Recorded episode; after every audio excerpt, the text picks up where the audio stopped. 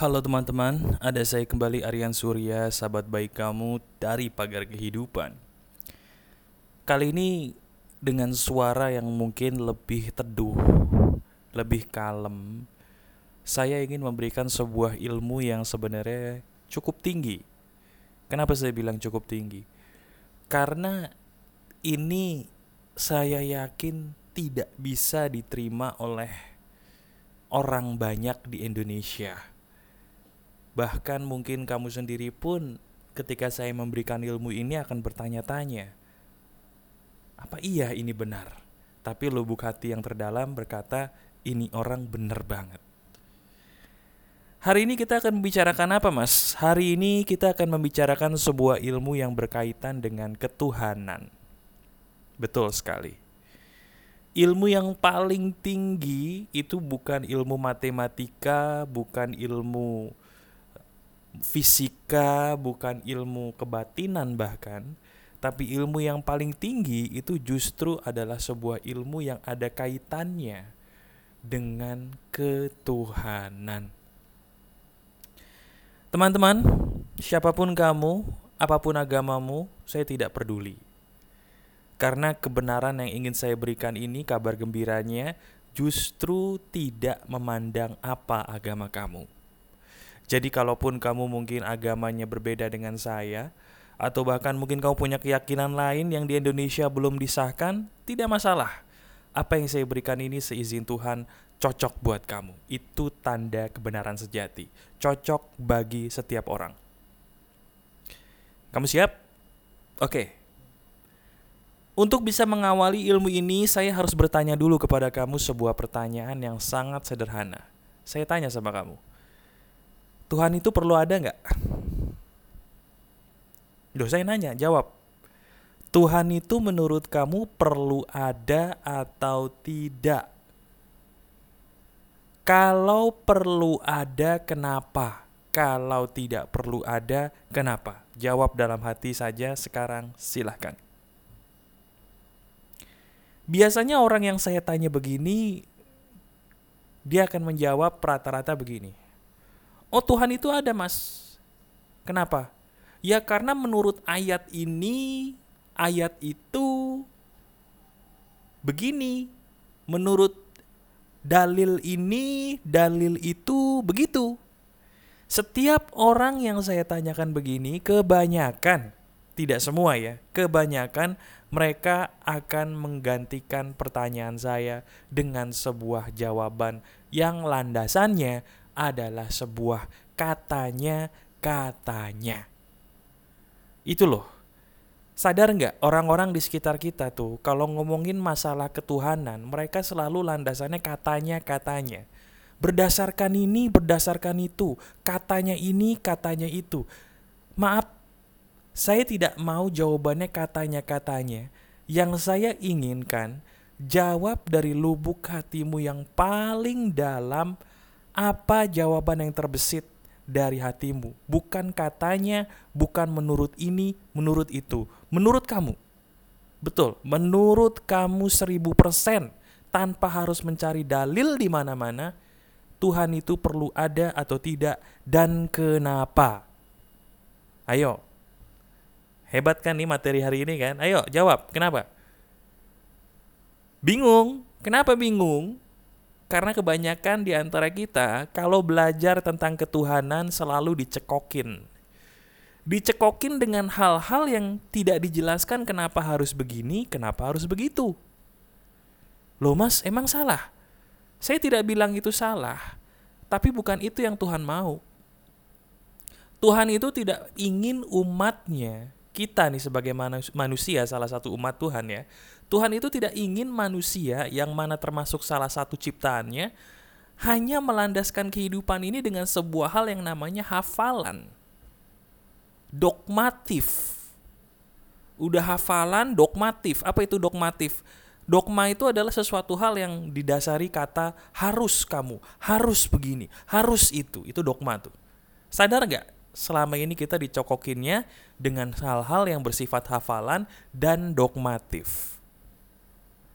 Pernah nggak kamu bertanya, apakah ini yang diinginkan Tuhan yang maha benar? Apakah ini yang diinginkan Tuhan sejati? Tahan dulu sampai di sini jawaban kamu.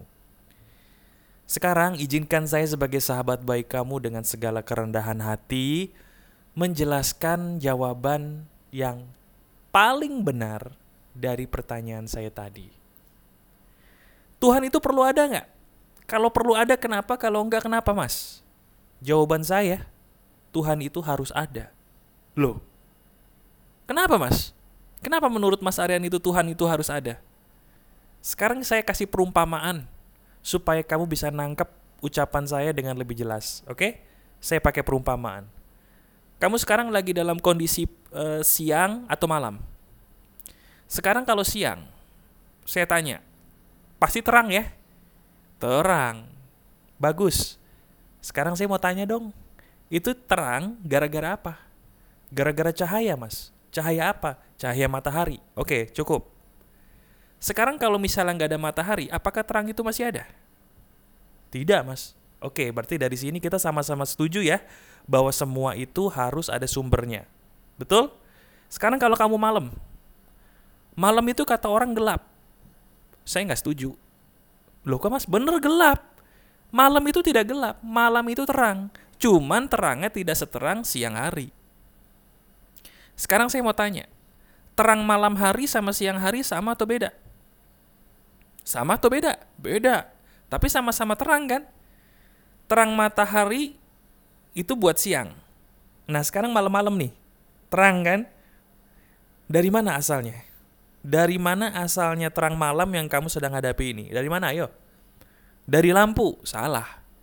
Bukan. Dari mana mas? Betul, dari bulan. Tapi sadar nggak, bulan itu cahayanya bukan dari bulan sendiri. Cahayanya adalah pantulan dari matahari.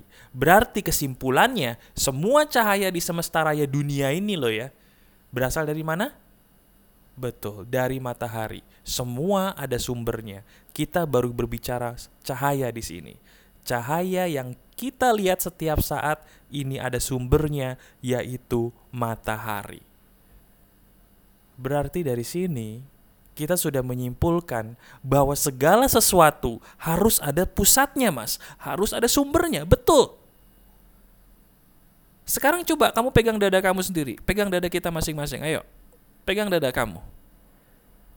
Biasanya kita kalau ngerasain bahagia di sini kan, di dalam dada ini, betul? Biasanya kalau kita ngerasain sukacita di dalam dada ini juga, bener nggak?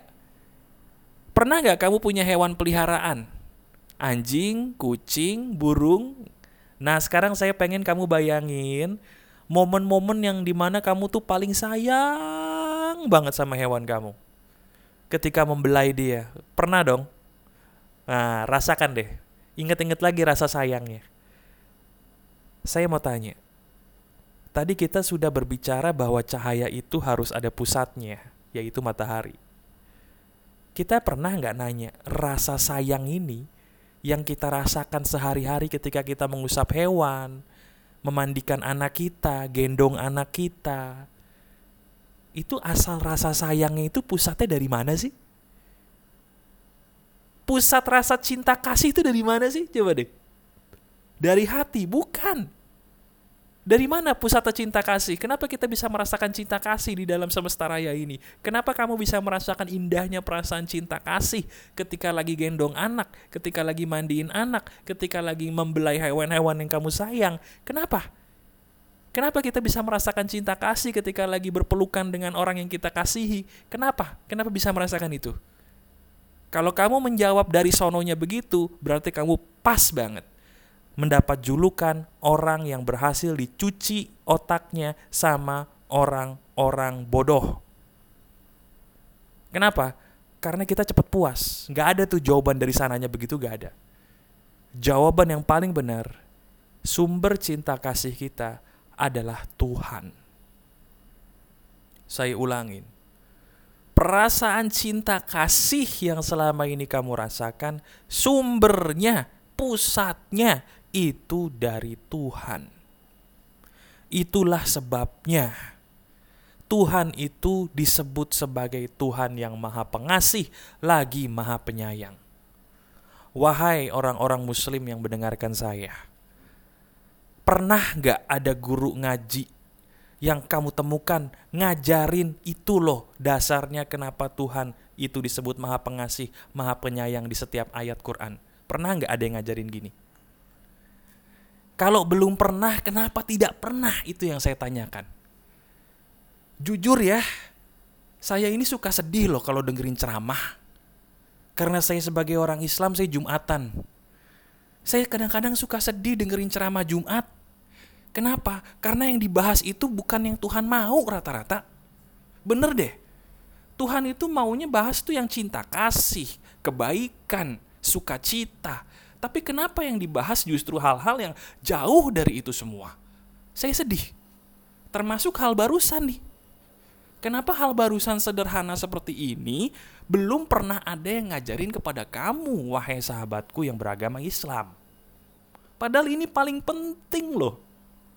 Di setiap awal surat baca Quran, kita menyebut Bismillahirrohmanirrohim yang artinya Tuhan yang maha pengasih lagi maha penyayang. Tapi kita nggak tahu kenapa itu diulang terus di bagian depan surat. Ini loh jawabannya ini juga alasannya kenapa Tuhan itu harus ada karena tidak mungkin Tuhan itu tidak ada kalau di dalam hati kita ada perasaan cinta kasih karena semua harus ada sumbernya, semua harus ada pusatnya, semua harus ada biangnya. Sentuh badan. Sekarang coba kamu sentuh benda apa pun di sekitar kamu, sentuh benda apa pun. Ayo mau lemari, mau handphone. Sadar nggak itu ada sebabnya? Sadar nggak itu ada biangnya? Handphone ini nggak mungkin bisa jadi handphone kalau nggak ada sumbernya. Sumbernya macam-macam, mulai dari karet, mulai dari listrik, mulai dari baterai, mulai dari barang-barang yang mungkin kita nggak tahu. Karet itu sendiri pun sumbernya ada dari pohon. Pohon itu pun sumbernya ada dari bibit. Terus semua itu harus ada pusatnya, harus ada sumbernya. Titik dia, pusatnya dari segala sesuatu adalah Tuhan. Sadar nggak? Jadi ketika kamu bisa merasakan cinta kasih, harusnya bertanya kenapa perasaan ini bisa ada dalam diri saya. Jawabannya karena inilah bukti bahwa Tuhan itu ada. Kenapa bisa ada hewan-hewan lucu di sekitar saya? Itu adalah bukti bahwa cinta kasih Tuhan itu ada. Kenapa bisa ada tumbuhan-tumbuhan bagus di sekitar saya? Karena itu bukti bahwa Tuhan itu ada. Kenapa bisa ada anak yang lucu yang saya punya saat ini? Itu adalah bukti bahwa cinta kasih Tuhan itu ada. Selama kita mau membuka mata dan menggunakan akal sehat, disertai hati yang bersih dan lapang, kita akan menemukan banyak bukti bahwa Tuhan itu benar-benar ada, harus ada. Jelas sampai di sini. Nah, sekarang pertanyaan berikutnya kalau kita sudah yakin bahwa Tuhan itu ada, Mas, kenapa harus ada bencana di sekitar kita? Di mana Tuhan itu? Kalau ada memang Tuhan itu, kenapa harus ada kebencian, harus ada kesedihan, harus ada penderitaan yang saya alami dalam hidup ini? Jawabannya, karena kamu sebagai sahabat saya selama ini tidak mengerti prinsip ketuhanan dengan baik Maksudnya gimana? Saya kasih tahu. Tuhan itu sudah ngasih sebuah memori dalam diri kita masing-masing sebagai manusia. Memori yang kita punya dari lahir, yang sebenarnya kita nggak usah belajar apa-apa, udah tahu mana yang benar, mana yang salah. Memori itu sudah ada dari lahir, itu disebut sebagai fitrah. Sekarang saya tanya sama kamu, ingat, Gak usah pakai dalil ini dalil itu katanya siapa katanya siapa gak usah. Saya mau tanya sama kamu. Pernah nggak kamu dalam diri sendiri bertanya, bukankah Tuhan itu cuma ingin kita jadi orang baik? Pernah nggak kamu nanya begitu? Sebenarnya dari dulu kita udah tahu bahwa Tuhan itu cuma pengen kita jadi orang baik. Tuhan gak pengen kita jadi orang jahat apa pun agamanya. Kita dalam diri udah tahu kok bahwa Tuhan itu cuma pengen kita jadi orang baik titik. Tapi celakanya zaman sekarang orang itu menambah-nambah sesuatu hal yang sebenarnya bukan yang Tuhan mau. Apa itu? Berbuat baik saja tidak cukup. Kamu harus segolongan denganku. Golongan A, golongan B, golongan C. Kalau kamu tidak segolongan denganku, kamu tersesat sebaik apa pun kamu, tidak akan diterima kebaikannya di mata Tuhan. Sayangnya hal itu disebut sebagai agama. Sedih saya sebenarnya. Kenapa? Banyak orang yang berjubah agama, tapi mereka justru menggunakan jubah agama yang lekat dengan Tuhan sebagai alat yang sebenarnya untuk menyebarkan sesuatu yang tidak ada Tuhan-Tuhannya sama sekali. Pakai jubah ketuhanan tapi mengujar kebencian. Tuhan mana yang mereka sembah? Pakai jubah agama tapi dia mengkerdilkan golongan lain, agama lain. Tuhan mana yang mereka sembah? Hah? Merasa dirinya paling super, merasa dirinya sebagai orang pilihan Tuhan, umat pilihan Tuhan, yang lain salah. Tuhan mana yang dia sembah? Begini ya. Tuhan itu maha pengasih lagi maha penyayang. Tahu nggak artinya kata maha itu apa? Maha itu adalah sebuah sifat yang lebih tinggi dari kata paling. Kalau kita pernah kenal sama orang yang paling baik banget, nah maha itu lebih lagi daripada si orang itu. Padahal orang itu udah paling baik loh. Tapi maha itu lebih lagi. Nah itu Tuhan tuh. Sekarang pakai logika sederhana. Kalau Tuhan itu maha baik, apakah Tuhan tidak akan menerima kebaikanmu hanya kamu tidak memeluk agama tertentu? Pikirkan coba, renungkan. Tuhan itu maha penyayang. Berarti artinya, kamu pikirin orang yang paling penyayang di muka bumi ini, Tuhan itu lebih lagi dari orang itu. Sekarang pakai logika sederhana, kalau Tuhan itu maha penyayang, Apakah Tuhan itu akan membencimu di saat kamu melakukan sebuah kesalahan, kekhilafan? Renungkan aja. Kita sebagai orang nih, terutama saya sebagai orang Islam udah bagus tuh diajarin yang namanya Asmaul Husna, 99 sifat Tuhan. Tapi sayangnya mentoknya cuma diapalin. Padahal kalau direnungkan, didalami, itu orang akan mengerti titik spiritual yang paling tinggi itu harus ke mana dan bagaimana. Kita baru bahas dua sifat Tuhan nih, maha pengasih, maha penyayang. Maha baik belum, maha pengampun belum, maha bijaksana belum. Coba, selama ini kok kita tuh aneh pengen jadi orang yang dekat sama Tuhan, tapi mohon maaf perilakunya nggak ada Tuhan-Tuhannya sama sekali. Ke arah mana kita mau bawa diri kita sih sebenarnya? Halo, kita mau bawa diri kita ke arah mana? Ke Tuhan yang benar apa Tuhan yang palsu? Tuhan yang sejati atau Tuhan yang dikarang-karang sama manusia yang hatinya penuh dengan kekotoran? Di saat kita ngerasa sebagai orang yang paling paling benar selain golongan gua sesat, di saat itu juga hati kita sebenarnya kotor dan itu bukan yang Tuhan mau. Sadar gak? Sekarang coba kalau saya ngomong seperti ini. Berapa banyak orang-orang di sekitar kita yang mau mengakui bahwa ini benar? Bandingkan dengan berapa banyak orang yang menganggap ini semua sebagai suatu hal yang sesat. Berapa banyak? Kenapa bisa begitu? Karena kita terlalu berlandaskan dengan katanya, katanya, menurut ini, menurut itu. Kita nggak percaya dengan hati kita sendiri. Padahal seperti yang saya bilang tadi, Tuhan itu sudah naruh loh memori di dalam diri kita yang kita tuh nggak usah ke mana-mana. Lihat ke dalam diri aja udah ketemu ilmu ketuhanan tuh seperti apa kok. Cuman masalahnya kita tuh seneng ngotorin hati. Kita seneng ngotorin jiwa. Akhirnya nggak ketemu petunjuk Tuhan yang paling murni yang sebenarnya ada dalam diri kita masing-masing selama ini. Jadi pesan saya di podcast kali ini adalah Tuhan itu cuman pengen kamu jadi orang baik. Tebarkan kebaikan. Lakukan perbuatan baik. Suatu saat kebaikanmu akan kembali kepada dirimu sendiri di alam ini dan juga alam berikutnya. Ketika kamu menghadapi masalah, lakukan terus kebaikan. Dan kebaikan yang paling besar adalah kebaikan di mana kamu menolong orang lain untuk keluar dari masalah mereka. Tolong orang lain, tolong hewan-hewan di sekitarmu, tolong tumbuhan di sekitarmu. Ngerokok boleh, nolongin orang tapi jangan lupa.